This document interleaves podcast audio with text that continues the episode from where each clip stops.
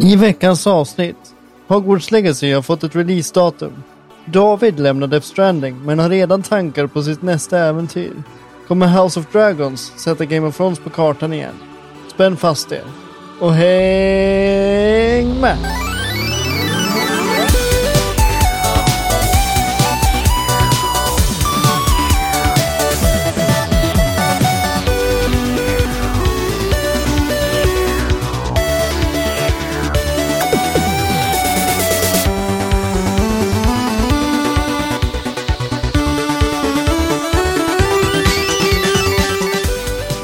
Läget allihopa? Välkommen till ännu ett avsnitt av Allt under kontroll. Podden där inget är under kontroll och er källa till nyheter, spelreviews och underhållning varje lördag.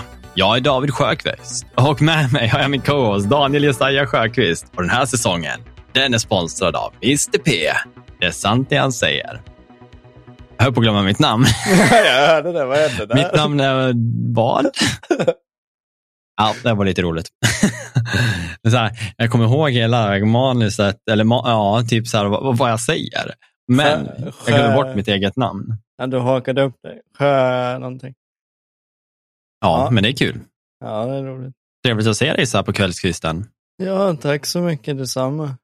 Ja, tack, tack.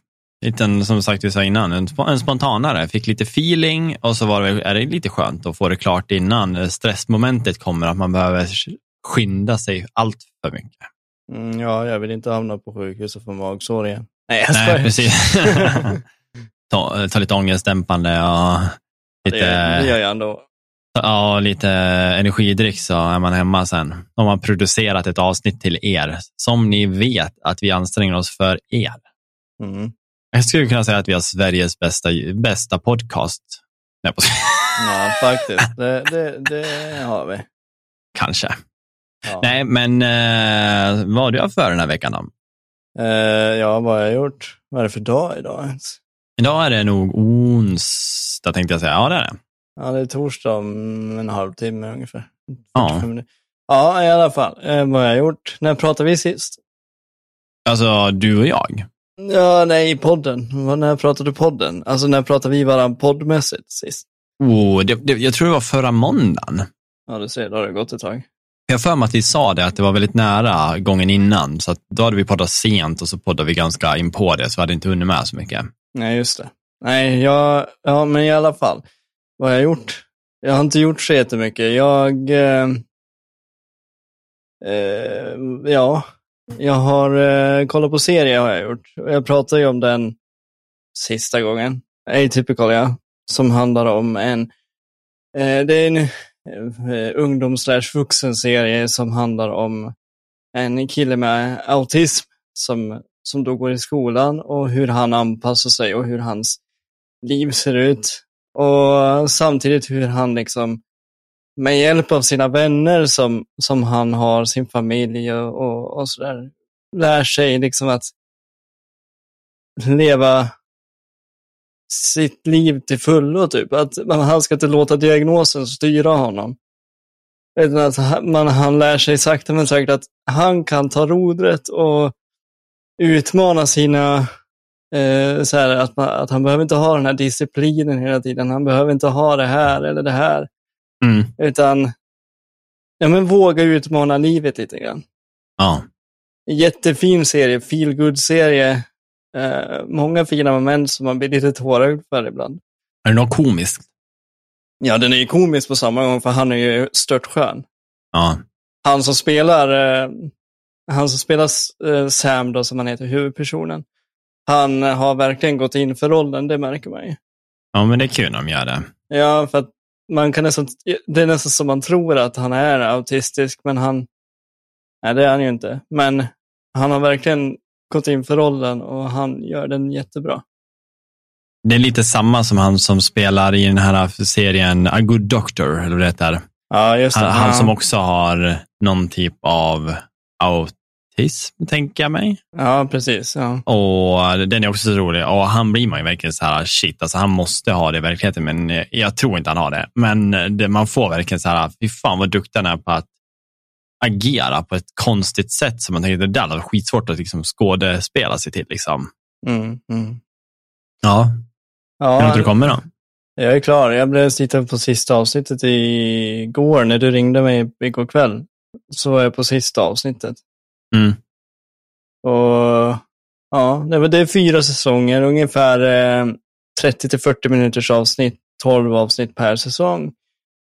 Så det är ganska, ganska bra längd skulle jag säga. Ja. Det är väl ganska trevligt. Nej, men eh, det var väl trevligt att eh, du var klar med den då, men känner du någon typ av sorg kring det? Nej, men det gör man väl alltid när man kollar klart på en serie, tänker jag. Alltså, speciellt någon som, som eh, man inte bara slöar tittar på, utan faktiskt man vet, vill se hur det liksom eh, ja, men kommer utspela sig. Vad blir konsekvenserna av saker och ting? Samtidigt så är det en serie som man bara egentligen kan slöa titta på. Den hänger ju ihop till 100 procent, men det är inte sådär du behöver inte, din hjärna behöver inte vara med 100 procent. Vilket, okay, vilket, är ganska skönt ibland. Men är det så här, om, låt säga att du missar ett avsnitt uh, och tittar på avsnittet efter, är du helt lost då? Eller, alltså, är det så sammanhängande, liksom, eller är det mer öppet? De brukar väl dra någon form av referens till förra avsnittet så att man på något sätt kan förstå vad som, ja. hur, varför han tänker som han gör i nästa avsnitt. Ja.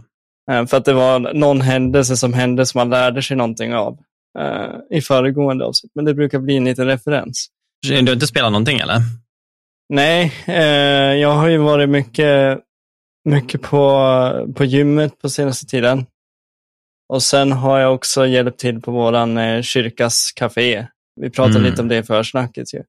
Ja. Med, eh, och det kommer mycket människor, många människor som, det vi gör då, det är ju, vi har ett café på kyrkan där vem som helst i stort sett får komma och bara känna att de får ha gemenskap en liten stund. Mm. Uh, och uh, man får komma in och dricka kaffe, fika, prata. Vi läser lite Bibeln, vi sjunger lite sånger. Vi, uh, vi hjälper de som behöver hjälp på det sätt vi kan, i den mån vi kan. Och vi håller på att bygga ett samarbete med kyrkan nu för att kunna utvidga det här samarbetet så att vi kan hjälpa så många som möjligt. Mm. Eh, men eh, just nu så är det mest att de får komma dit. Eh, om, de, om de inte har något hem eller om de bara känner att de vill komma dit istället för att gå till systemet så att säga. Mm. Att de kommer dit och lyssnar på musik och pratar och tar del av gemenskap. Liksom. Ja, men det låter trevligt. Ja, ja men det, är, det är mysigt faktiskt. Och det, vi är ju en väldigt liten lokal och det har ju varit jättevarmt de senaste dagarna. Så vi har faktiskt pratat om att vi kanske ska byta till en större lokal som är i samma byggnad. Mm. Bara för att det kommer så många människor nu för tiden. Ja. ja, nej men det låter väl sunt. Ja, nej så i övrigt så, sen så finns det inte så mycket energi till så mycket annat. Man kommer hem därifrån, eh, har varit så mycket röster och så mycket intryck och, och, och, och känslor och sådär så att man är helt urtömd när man kommer hem. Ja men så är det ju.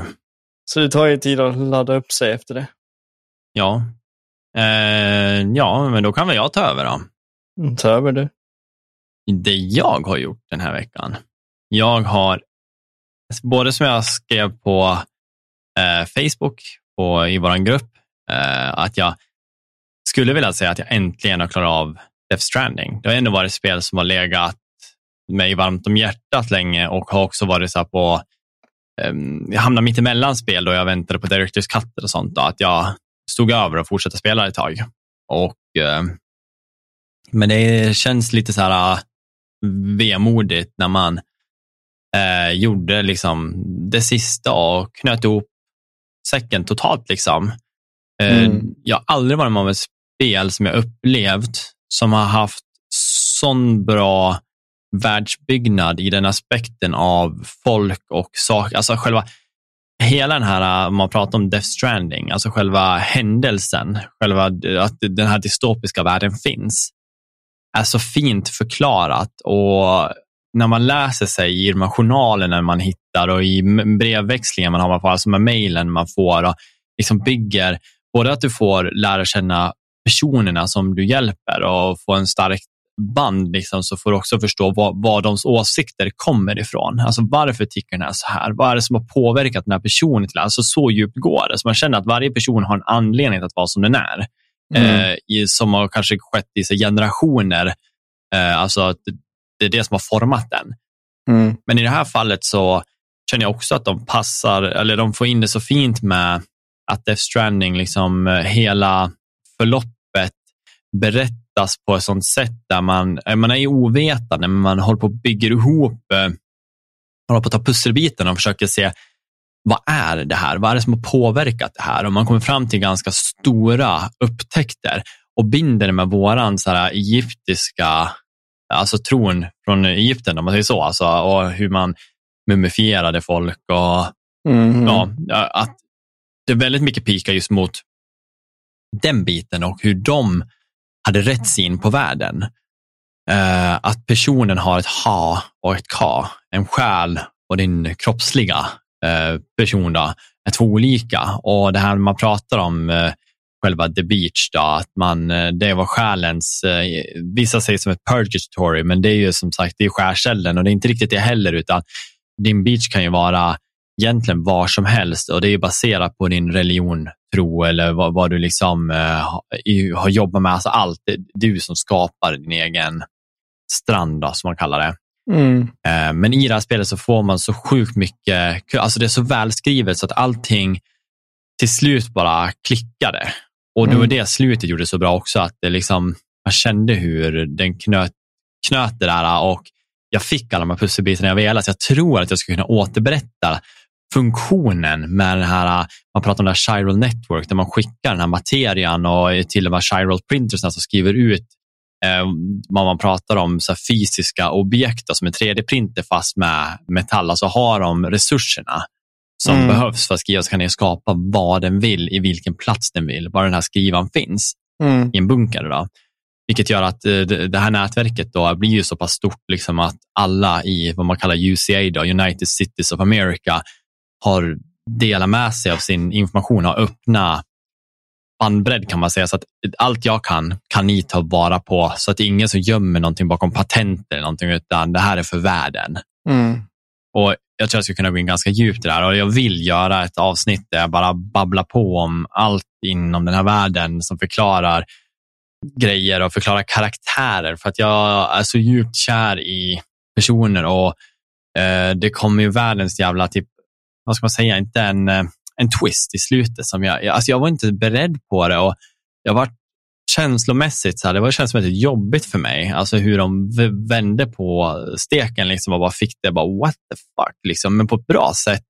Men jobbigt för att man har tyckt en sak liksom. och karaktärer på förklaringar varför de är onda. Alltså, det, det blir som att man känner sig empati även för dem. Mm, mm. Så jag är övermållös liksom, med vad de sista timmarna gjorde för mig även fast jag gillade det hela vägen så var det den där sista biten som jag aldrig varit med om i ett spel som binder ihop allt som de har sagt.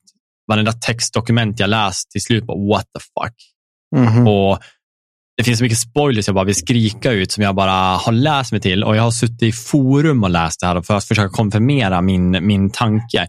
Och Jag märker att folk har inte kanske läst allt som jag har läst. För att många påstår andra saker, men jag skulle kunna, om jag hade varit i dem, nu orkar inte jag skriva så mycket i forum för att jag är lat och jag, orkar, jag är dålig på att skriva, jag är bättre på att prata.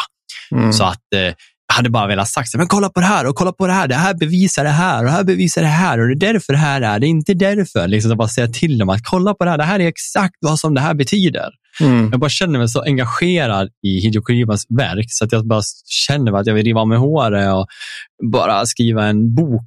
Nej, men typ, nej, det är irriterande att man kan vara så förtjust. Och, men spelet kändes som att det hade tre avslut. Först ett var så här, ja men det här är bra. Och sen andra avslutet, okej okay, men nice, nu är, är det här klart. Nu är, eh, nu är det klart, det här är det liksom. Och jag var lite ledsen och det var fint och allting.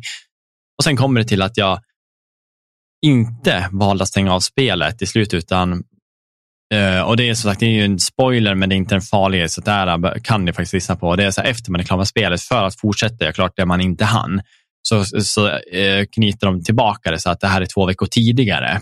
Så att mm du har en möjlighet att göra det du inte har gjort om du vill uh, köra hundraprocentigt, om man säger så. Mm. Eh, men jag visste att det var en quest som inte jag hade gjort. Att jag hade gjort en del av den, men jag hade inte kunnat gjort mer av den. Och Det hade jag i bakhuvudet sen förut. Bara, den här, ah, varför får jag inte en till main quest på den här? För det, den bara slutar. De nämnde en sak i questen till som att ah, här, kommer du, här skulle man kunna gå ner, men vi kan inte göra det nu. Och sen fick jag aldrig gå ner där. Men då gick jag in där och det första som händer är att då säger han att du har ett uppdrag, liksom, bla bla bla. Liksom. Och jag bara, okej, tog det. Ja, men det det är ju dit jag ska. Nej, vad coolt, för då kände jag mig så stolt ändå över att jag hade hållit det där i minnet kvar, liksom att det är en plats jag vill till. Mm. Och där kändes det som att den här sista poletten fick, var, var, det var ett, en fint, ett fint ögonblick för en karaktär som jag fick mer story kring, typ, kring- den, dens familj och hur, liksom, hur, hur det vart. Liksom. Och det kändes som att det här var sista grejen och jag tog en liten eh, printscreen på just scenariot. Jag kom upp, det var jättefin musik och jag bara såg grönskan och gravstenar och jag bara kände det här är det här är slutet nu. nu jag, du vet, jag kunde inte ens stänga av spelet när jag stod där uppe. Vet du vad jag lärde göra? Nej. Jag lärde gå till en sån här, jag jag kallar det för save point, men en sån här, man har ju bunkrar man går ner och kan sova i och vara i sitt lilla rum. Ja, ja. Lärde gå ner i den och, gå och alltså, låta gubben sova, för jag kände att jag kan inte lämna Sam och jag vet, Lou ute i världen, utan nej, jag ska gå ner i en bunker och sen där stänger jag av. Det var en sån skum känsla, så jag dumt bara. Lou, är det bebisen? Ja, BB. Men den kallar, du kallar den för Lou. Ja. Kallar du den för Lou? Eller heter den Lou? Nej, nej alltså han, den, han säger Lou typ någon gång ibland. Lou. Ah, Okej, ja. Ja. okej. Och det kommer ni få reda på mer om ni spelar det. Och jag uppmuntrar alla till att köra det här. Och eh, det kan jag ju säga på en gång att det ser ut som att det här kommer till eh, Xbox Game Pass.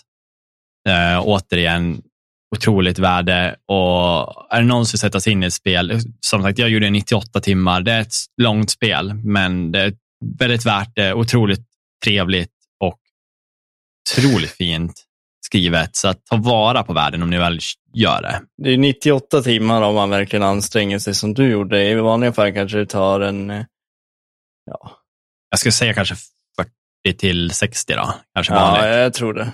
Ja. Och gör ni 40 till 60 och upplever bara cutscenesen och inte tar storyn, så om jag gör mitt avsnitt så kan ni lyssna på hur allting förklaras i, i, det poddavsnittet. Där kommer jag gå bals på att berätta allt som är spoilers. Jag kommer skita i allt och bara berätta vad jag kommer på. Ja, vi får göra en sån här uh, spoilercast. Ja. Nej, men så det har jag gjort. Ja. Eh, utöver det så har jag också varit med Polan och eh, spelat Cuphead som jag har velat spela väldigt länge men inte tagit mig tid för att jag har gärna velat spela med en, ja, en kompis helt enkelt och vara två player. Mm. Jävlar vad roligt det är. Ja, roligt. Jag tycker ju om sådana här spel som är svåra, liksom, eller när man får köra, man får dö några gånger bara för att lära sig bossfighten. Liksom. Vad jag ska akta mig för, vad jag ska göra här. Och så jag har ingenting emot att dö. Nej. Men det är fan svårt att spela två på det. Bara på grund av att det är så, man sitter ju all in den där skjuta-knappen typ hela tiden och skjuter liksom skott och sånt och så flyger det grejer överallt. Och man känner liksom så här, shit, vad, jag tappar bort mig själv bara för att jag ser han röra sig. Jag ser Mm. mig röra mig, även fast han är röd och jag är blå. Mm. Så är det någonstans i huvudet när man ser liksom en, de ser ganska lika ut för- övrigt. Så kan det vara så här, det där är jag, liksom att man hoppar och så bara, nej, nej, jag är ju där. Mm. Mm. Eh, Men eh, som sagt, vi har skitkul och vi har kommit till eh, jag var på, alltså vi är vid sista bossen, så vi gör, sen, vi gör näst sista bossen nu, men de är precis bredvid varandra som det verkar. Så vi, vi håller på att klara näst sista. Eh, vi har kommit till slutfasen där, eh, men där har vi börjat få ett, problem, så att Mm. säga. Och det är att man ska så jump dasha på en grej, eller eh, typ parry eller vad man kallar det. Man hoppar och så kan man hoppa på en viss, jag tror det är rosa färg. Mm. Då studsar man liksom om man trycker på hoppa igen lite som en och så kan man hoppa till nästa och så ska man göra det där.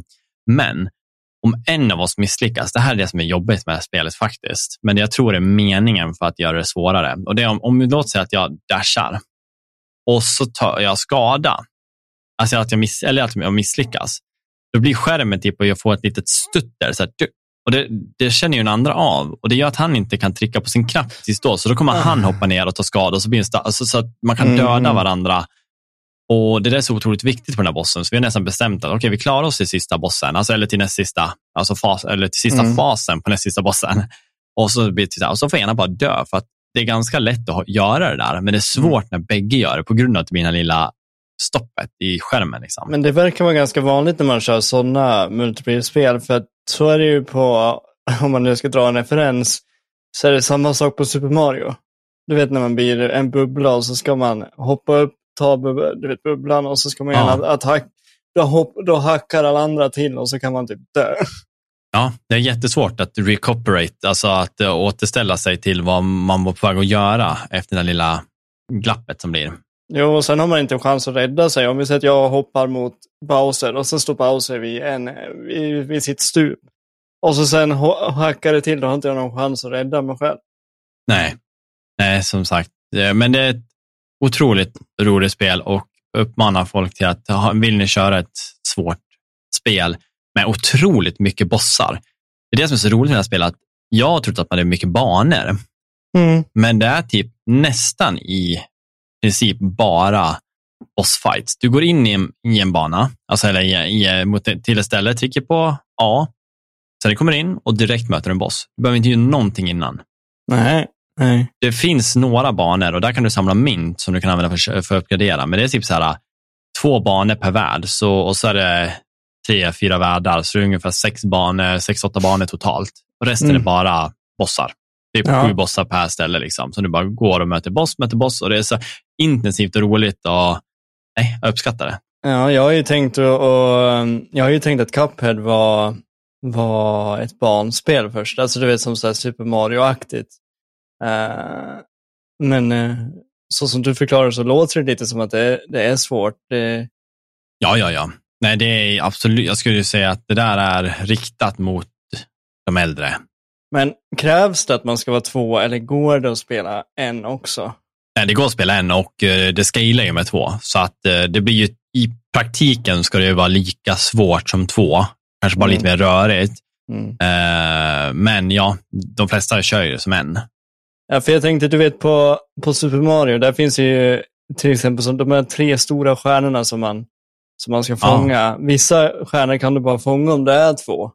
Okej. Okay. Eh, och jag tänkte om det liksom är en sån grej på...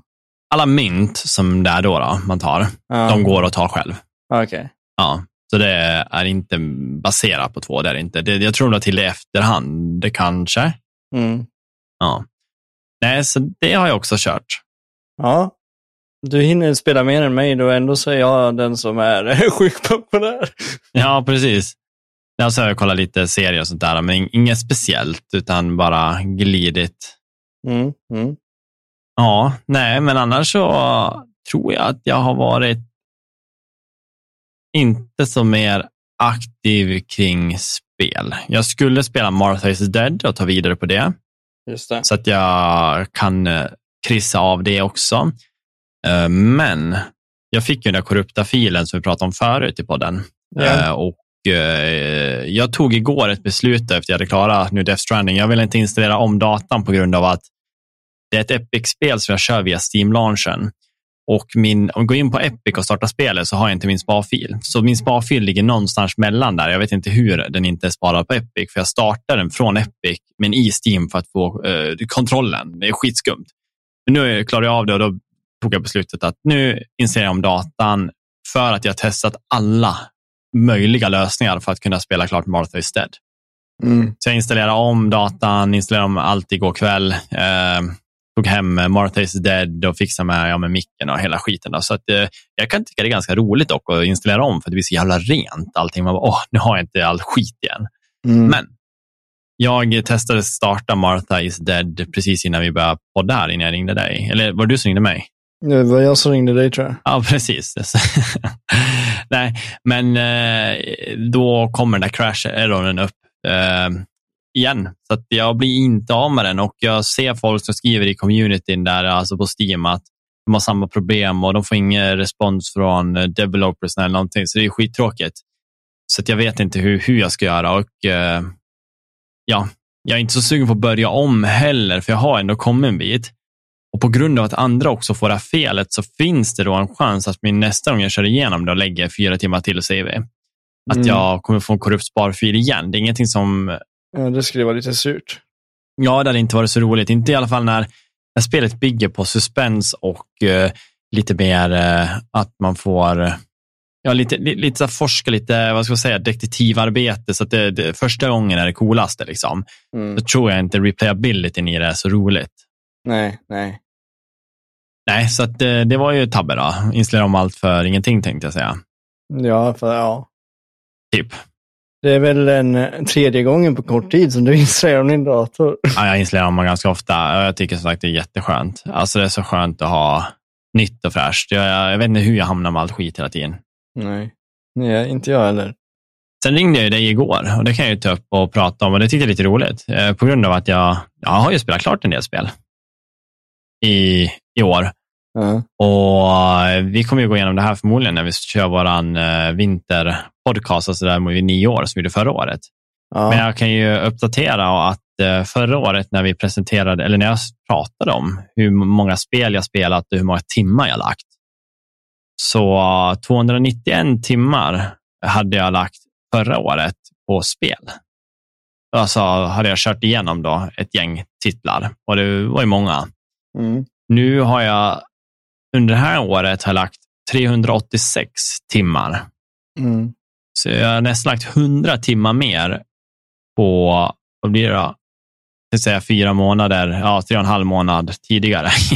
Ja, det är skapligt. Jajamän, Och då har du jobb och en unge. ja, precis. Kanske ska kolla till hon. Nej, då. Nej, men annars så har jag inte så mycket mer. Vi skulle ju kunna gå över på nyheter. Vill du börja eller ska jag ta någon? du, kan, du kan riva av plåstret, det brukar du vara bra på. Mm. Då börjar vi med en liten... Som sagt, det här är alltid tråkiga nyheter, alltså, och, men det börjar bli allt mer, allt mer vanligt. Och det är ju som sagt förseningar på spel. Mhm. Vi har ju nu fått reda på att eh, Hogwarts Legacy blir eh, förskjutet och Ja. verkar ju då få ett launch date. Då. Nu har de ju sagt ett fast datum och det är februari den 10, så att 2023. Då. Eh, då kommer det till Playstation, Xbox och dator. Nintendo Switch kommer ju få ett senare datum som kommer bli revealat om, ja, antar en månad eller två. Mm. Eh, och som vanligt så får skriva de ut liksom, det här är för spelets bästa. Vi vill polera det till liksom, ja, för att få ut det bästa möjliga för er. Då, liksom. Och det har ju börjat bli mer som en grej. Man, man, man tror ju inte på de här releasedatumen och mer. Alltså det är sällan man sätter sig. Det går ju inte som förut. Förut var det ju många som när det kom spel tog ledigt, låt säga. Alltså man tog ledigt från jobbet och så för att föra spelet vid spel. Mm. Jag ska säga att det där börjar bli nog mer, mer ovanligt att man gör på grund av att det oftast brukar vara väldigt mycket ja, förskjutningar på när de releasas eller att det är problem med typ online-spel, att de ens fungerar när de släpps. Mm. Men eh, en, en fråga då, vad tror du att det beror på? Alltså varför? De flesta spelföretagen säger att vi vill polera spelet, men vad tror du egentligen ligger bakom? Jag tror att eh, stora problemet i dagsläget, det här är helt baserat på eh, bara Vad du tror? Ja, och det är att eh, vi har pratat en hel del om eh, crunch. Och det är ju som sagt när spelföretagen går in i sin typ sista period för att releasa spelet så jobbar de typ dag in, dag ut och Ah, bara ja. pressa sig. Typ den sista månaden, bara, de är typ inte ens lediga för att göra den här releasen. Nej, precis. Och det där har blivit otroligt hot topic. Typ, alltså du, du får typ inte ha crunch mer, för då kommer ditt företag alltså bli hatat av alla alltså i communityn, i gaming-communityn. Mm. Så att så är så många som har liksom gått ifrån det här och försöker nu ha ett, vad ska man säga, ett, eh, 9 till 5 schema. ja men typ hela vägen från början till release. Och det man då kan ta från det här, vad jag skulle säga, är till, vi kan ta till exempel ett företag som nu har gått ifrån crunch eh, typ helt och hållet och det är de som håller på med Insomniac. Då. Ja, just det. Och även, eh, det finns en hel del företag som har gått ifrån och säger att de liksom, det här är det bästa vi har gjort. Vi har eh, hunnit gjort det här spelet nu och vi körde helt utan crunch och supernöjda. Liksom. Mm. Och det är så det ska vara. Men en crunch är en månad av intensivt arbete. Alltså då, då pressar de sig. Hur beräknar man den här månaden som de alltid har haft kontra liksom en vanlig arbetsmånad? Undrar, kan, kan man tro att arbetet de gör den här månaden är värt av tre månaders vanligt arbete? Kanske. Det är svårt att säga. Men det är Mm. otroligt svårt att planera ett spel när de kollar och vet inte hur mycket en crunch gör. Så varje år när någon sätter sig ner och kommer på ett spel, låt säga, till exempel vi tar uh, God of War, Mm. då säger de ju så här, hur lång tid tog God of War 1? det? Okej, det tog så lång tid. Två år och tre månader säger vi. Då ska vi ha två år nu. Det kommer bli lite mer, lite större, så vi säger väl två år och fyra månader, fem månader. Vi behöver två månader till. Mm. Men då räknar de inte med att det var en crunch. Alltså Just crunchen det. är så svår att säga hur mycket effekt den ger. Mm. Och I det här fallet kan det till och med vara så att okej, vi har gått ifrån crunchen. Mm.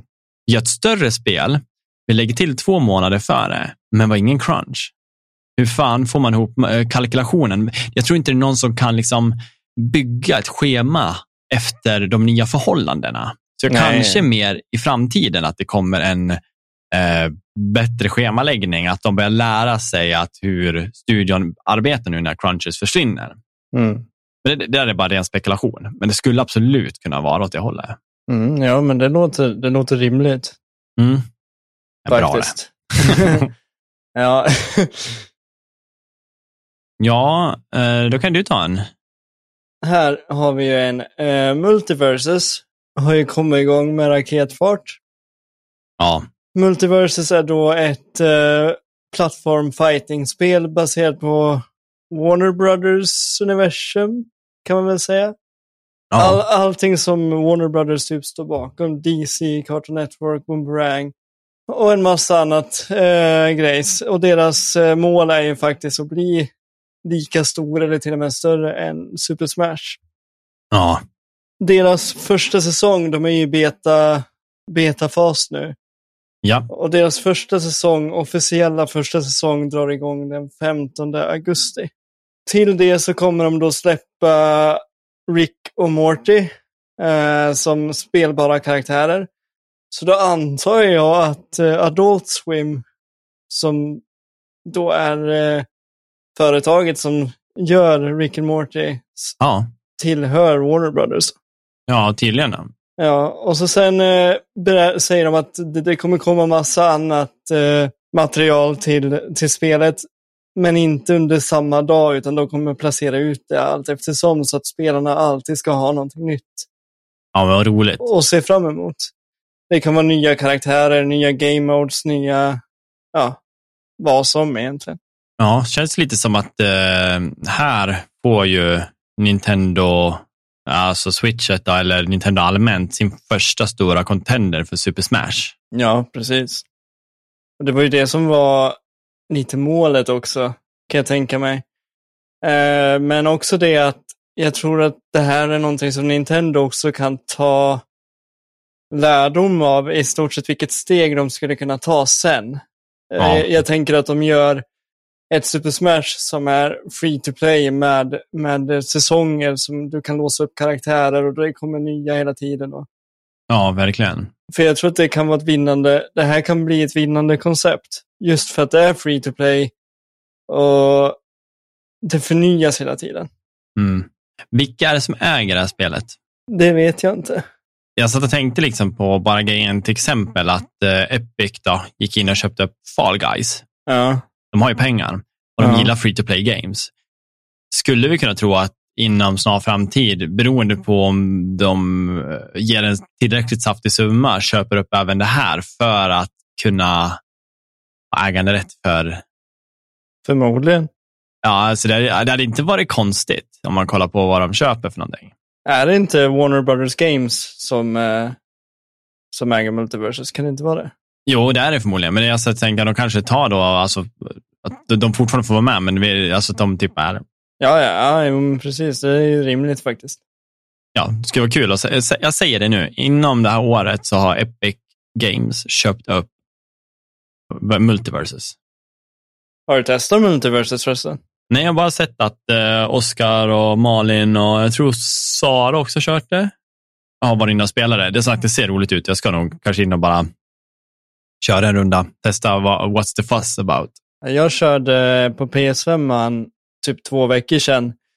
Eh, testade någon match. Då var det lite laggigt och lite buffrigt, men det kan ju också vara uppkopplingen till servrarna, vad vet jag. Men eh, jag hade inte så bra first impression, men jag tittar ju eh, när folk spelar, det ser ju jätteroligt ut. Ja, jag är inte den största fanet av uh, fightingspel. Det är jag inte. Nej. jag har lite svårt för kombinationsknappar och där, därför var Sifu väldigt roligt för mig att faktiskt ta mig igenom ett spel där det var kombinationsknappar och så. Mm. Men eh, absolut så ska jag testa det. Det ska jag. Ja, alltså grejen är att jag har jättesvårt för fighting-spel. Ehm, speciellt sådana här som är så här överavancerade, som Mortal Kombat som har hundra stycken kombos på, på en knapp, eller miljoner knappar. Eh, och så sen eh, spelar man, i, det är därför jag tycker om Super Smash. För där kan man ändå vara lite professionell genom att bara trycka på en, två, tre, fyra knappar. Och sen använda upp och ner, vad heter det, dra spaken upp och ner för att komma i olika slag. Man känner sig professionell fast på ett enkelt sätt. Det är så man vill ha det. Ja, Lite mer vänligt för eh, the noob. ja jo men faktiskt. Jag hade en tid i mitt liv där jag testade eh, Injustice. Ja, testade. DCs eh, och var på PS4 var jag och jag såg att min, min bästa kompis då, eh, Matte, körde ju det som fan. Och jag fick en feeling av att någon gång ska jag bli bra på någonting.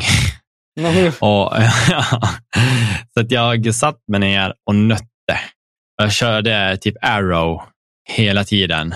Ja, just det. Och till slut var jag riktigt jävla bra om man ska säga det. Alltså jag, jag började till och med köra online liksom mot folk och det, folk var inte beredd. Alltså fan, jag tog dem. Jag Mm. var meister på det där. Ja, roligt. Ja, nej men det, det, är sagt, det är kul. Det är kul när man lär sig, det är kul när man sätter sig in, men jag är, det är inte helt min cup of tea. Nej. Men spelar man kompisar, ja då absolut. Kan vara roligt.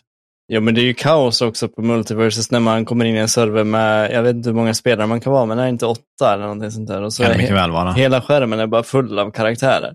Ja. Ja, nej men eh, är du klar med den? Då går jag över. Ja, visst. Eh, vi har ett spel som kommer Mhm. som eh, heter Recreation, tänkte jag säga. Det, det är så det är skrivet. Och Det är som sagt ett racingspel med banbyggande. Så att eh, till exempel som nu har ju Forza Horizon släppt Hot Wheels-expansionen, där man då kan köra i loops och skit. Då. Eh, det här spelet då utvecklas ju av eh, några som har arbetat för Burnout, jo, Burnout-serien. Då. Mhm. Eh, Criterion Games eller vad de heter. Mm. Så de har ju, de lämnade dem då och startade eget typ 2013. Och sen dess har ju de gjort några titlar av Dangerous Driving, Danger Zone-spelen. Eh, men nu som sagt utlovar de att göra en eh, öppen värld som är eh, runt 400 kvadratkilometer. Och det är ju bra stort.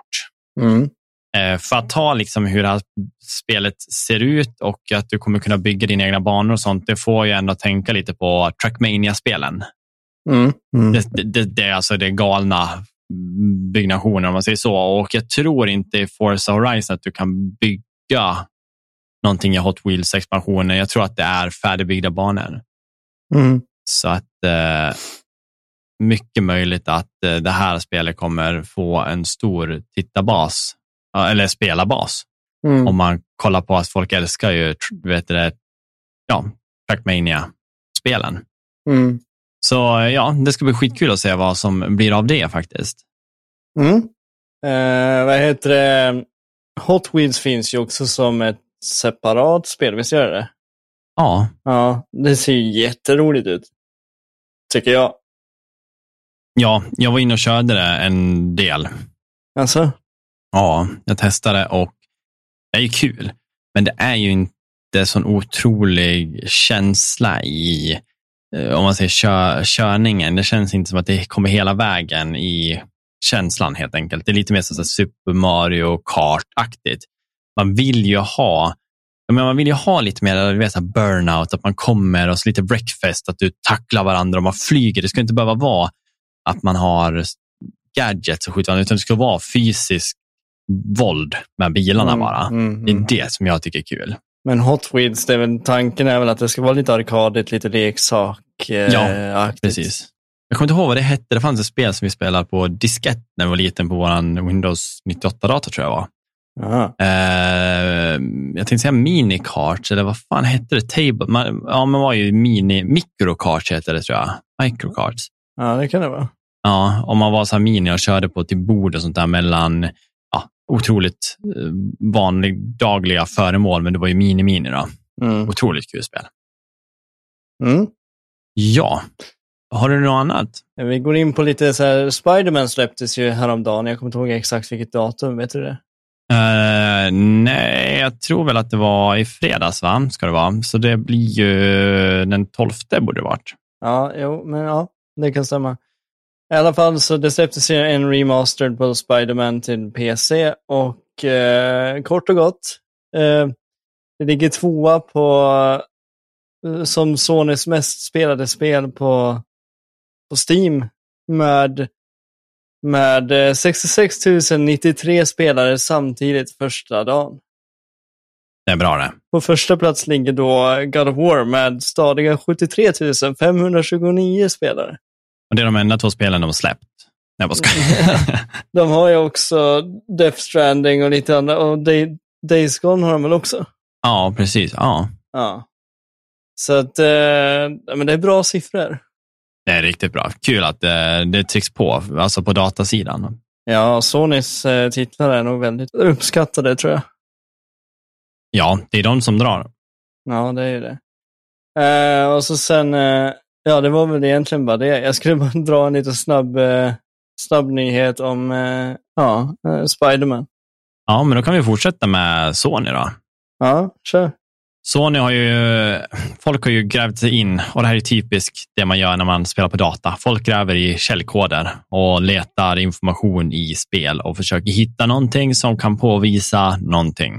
Mm. Och här har de då hittat information kring eh, att man verkar kunna logga in med ett Playstation-account. Alltså att man har PSN-account linked till spelen. Mm. Eh, det många tror här att Sony verkar ha en eh, Playstation, PC-launcher igång. Mm. Eh, lite som eh, vi tar Xbox har sin egna. Då. Eh, och Det kan jag väl absolut tro på. De verkar ju ha, se liksom potentialen att öppna upp sig i, data, eh, eh, i datamarknaden liksom med alla spel som mm. är eventuellt skulle jag kunna tänka mig. Ja. för de tar ju ganska bra priser på datan också, även fast det är spel som är äldre. De har ju gjort mycket reworks på dem, absolut. Men de, det är ju fina summor de förmodligen sitter och drar in från en marknad de aldrig haft vad ska man säga, eh, kontroll på eller haft någon vinst ifrån annars. Så att, eh, att behålla exklusiviteter på spel till upp till två år och sen kasta ut det på data, det är ju bland det bästa du kan göra. Det är ju så smart det bara kan bli, tycker jag.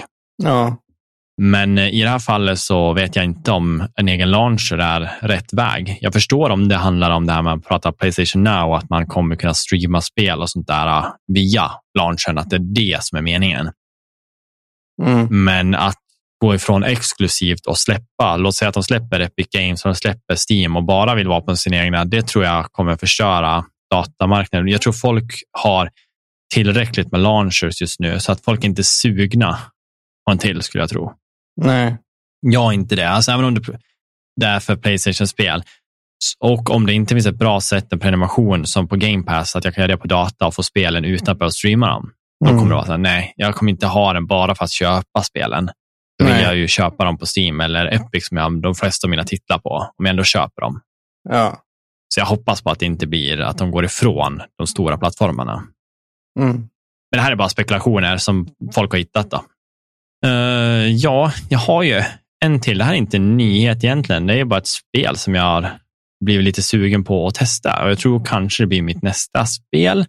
Eh, jag har läst lite så grejer som får mig lite orolig också, men det är inte av negativitet, utan det kanske är att mångfaldet är inte där, eller mångfaldet, att det inte kanske når till den potentialen, men den har fått otroligt fina betyg. Mm. Den har metascore på 82, vilket är helt okej. Okay. Den har ja, nog 87 procent av uh, alla vet det, spelare då, på Steam tycker, ger tummen upp för det och sett otroligt fina recensioner. Uh, det här är ju spelet Cult of Lamb. Mm. Och Det här är ju ett spel då som är väl baserat på att vanligtvis i olika religioner så har man offrat djur och specifikt lamm till sina gudar. Eh, I det här fallet då så är, man ett lamm som blir eh, då räddat av en eh, säga profet, en gud som det verkar. Och spelet är lite som, tänk er Hades. Liksom en liten roguelike slash dungeon crawler-aktigt. Mm. Fast med base building. Lite Animal Crossing New Horizon-känsla. Eh, och det ser otroligt gulligt ut, men otroligt satanistiskt ut. Alltså det, här, det, ser bara sjukt ut allmänt. Du går ut och gör en run, du kommer hem, du använder din ekonomi och sånt där och allting för att bygga upp din nya kult. För nu ska du bli liksom en kultist och vara ledare för en flock.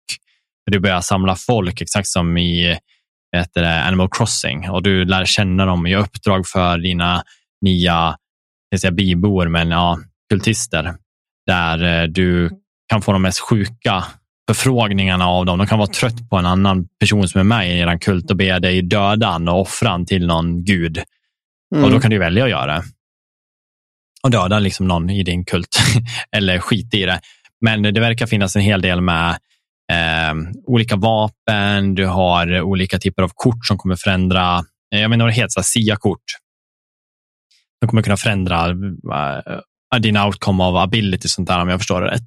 Ja. Eh, det jag har hört folk säga är, och det är nu i efterhand, det är att det har lite problem med att fightingen är nice. Den känns cool, det känns bra när man smackar till någon. Det är, liksom, det är bra umf i fightingen, men den är inte så avancerad.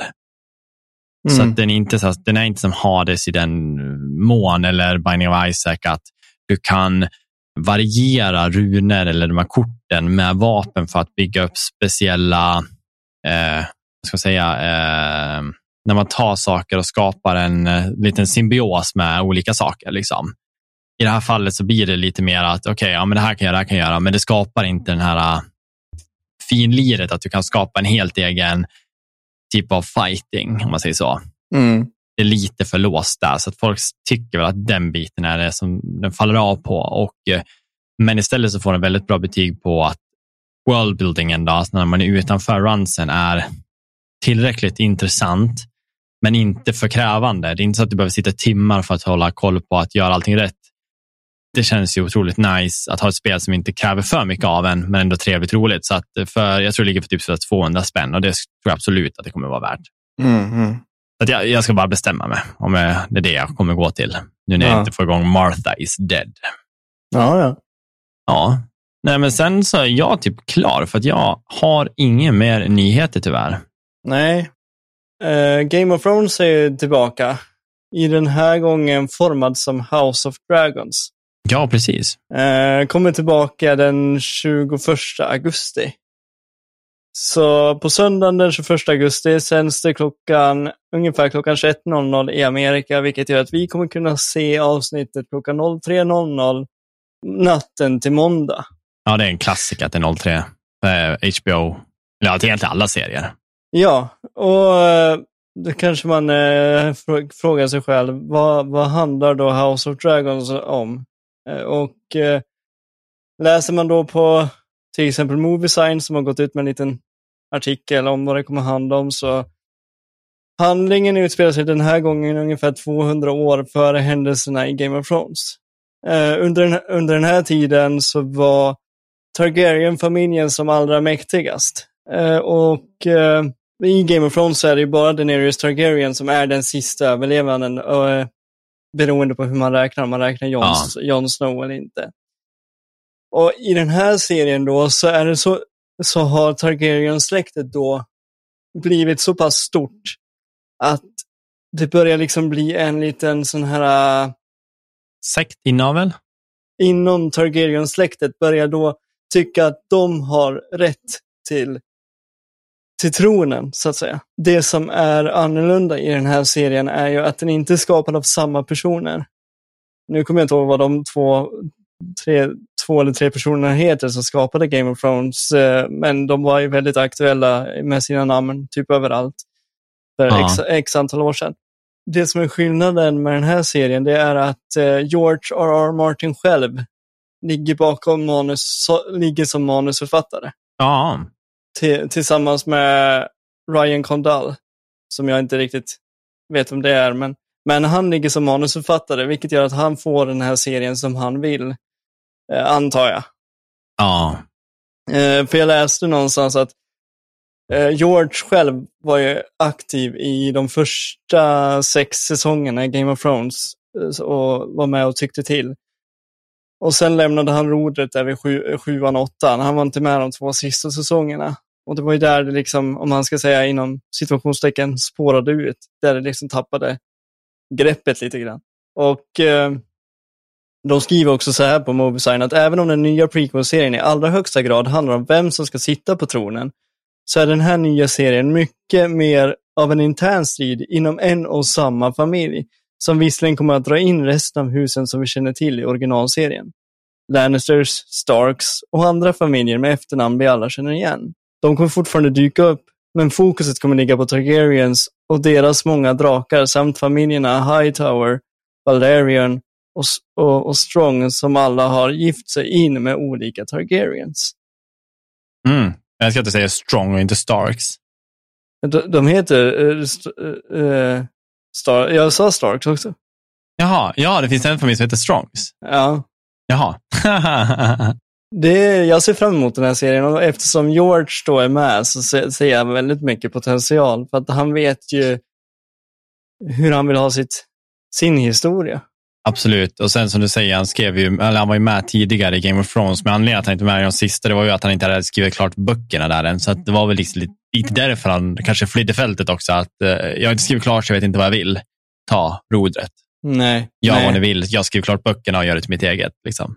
Ja, och han, han sa ju liksom till dem att jag har ett slut som jag har tänkt i mitt huvud, sa han ju till skaparna då. Men det känns ju inte som att, det känns som att han vill nog mer än att, att det där kändes så på snabbt. På. Alltså, jag tror slutet är rätt, men jag tror inte de visste hur de kom dit. Så att de, det bara var så här, hur fan binder vi ihop det här som han vill?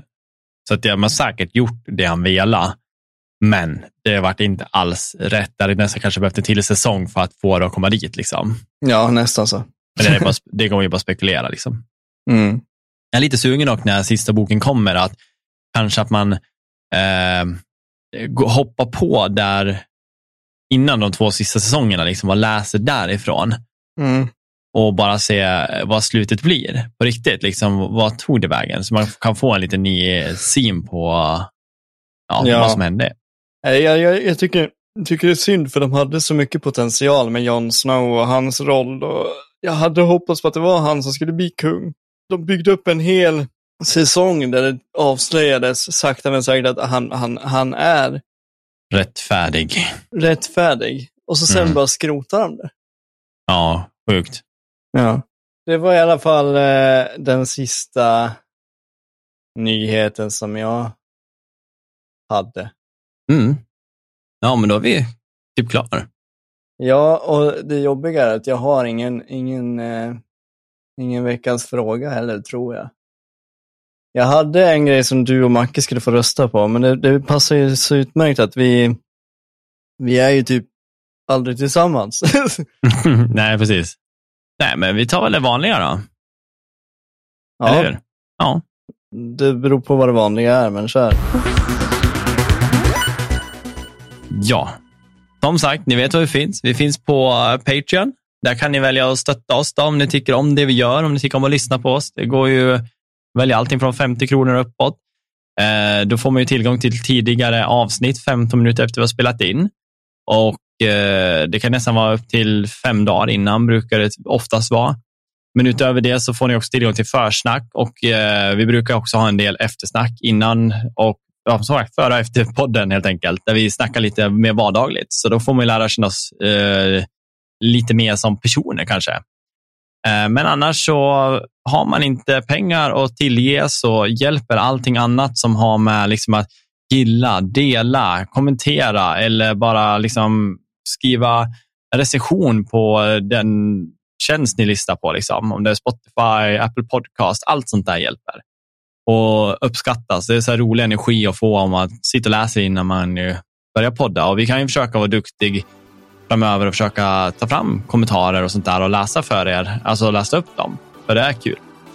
Eh, men annars så hörs vi nästa vecka. Så ni har det så bra. Hej då! Hej då!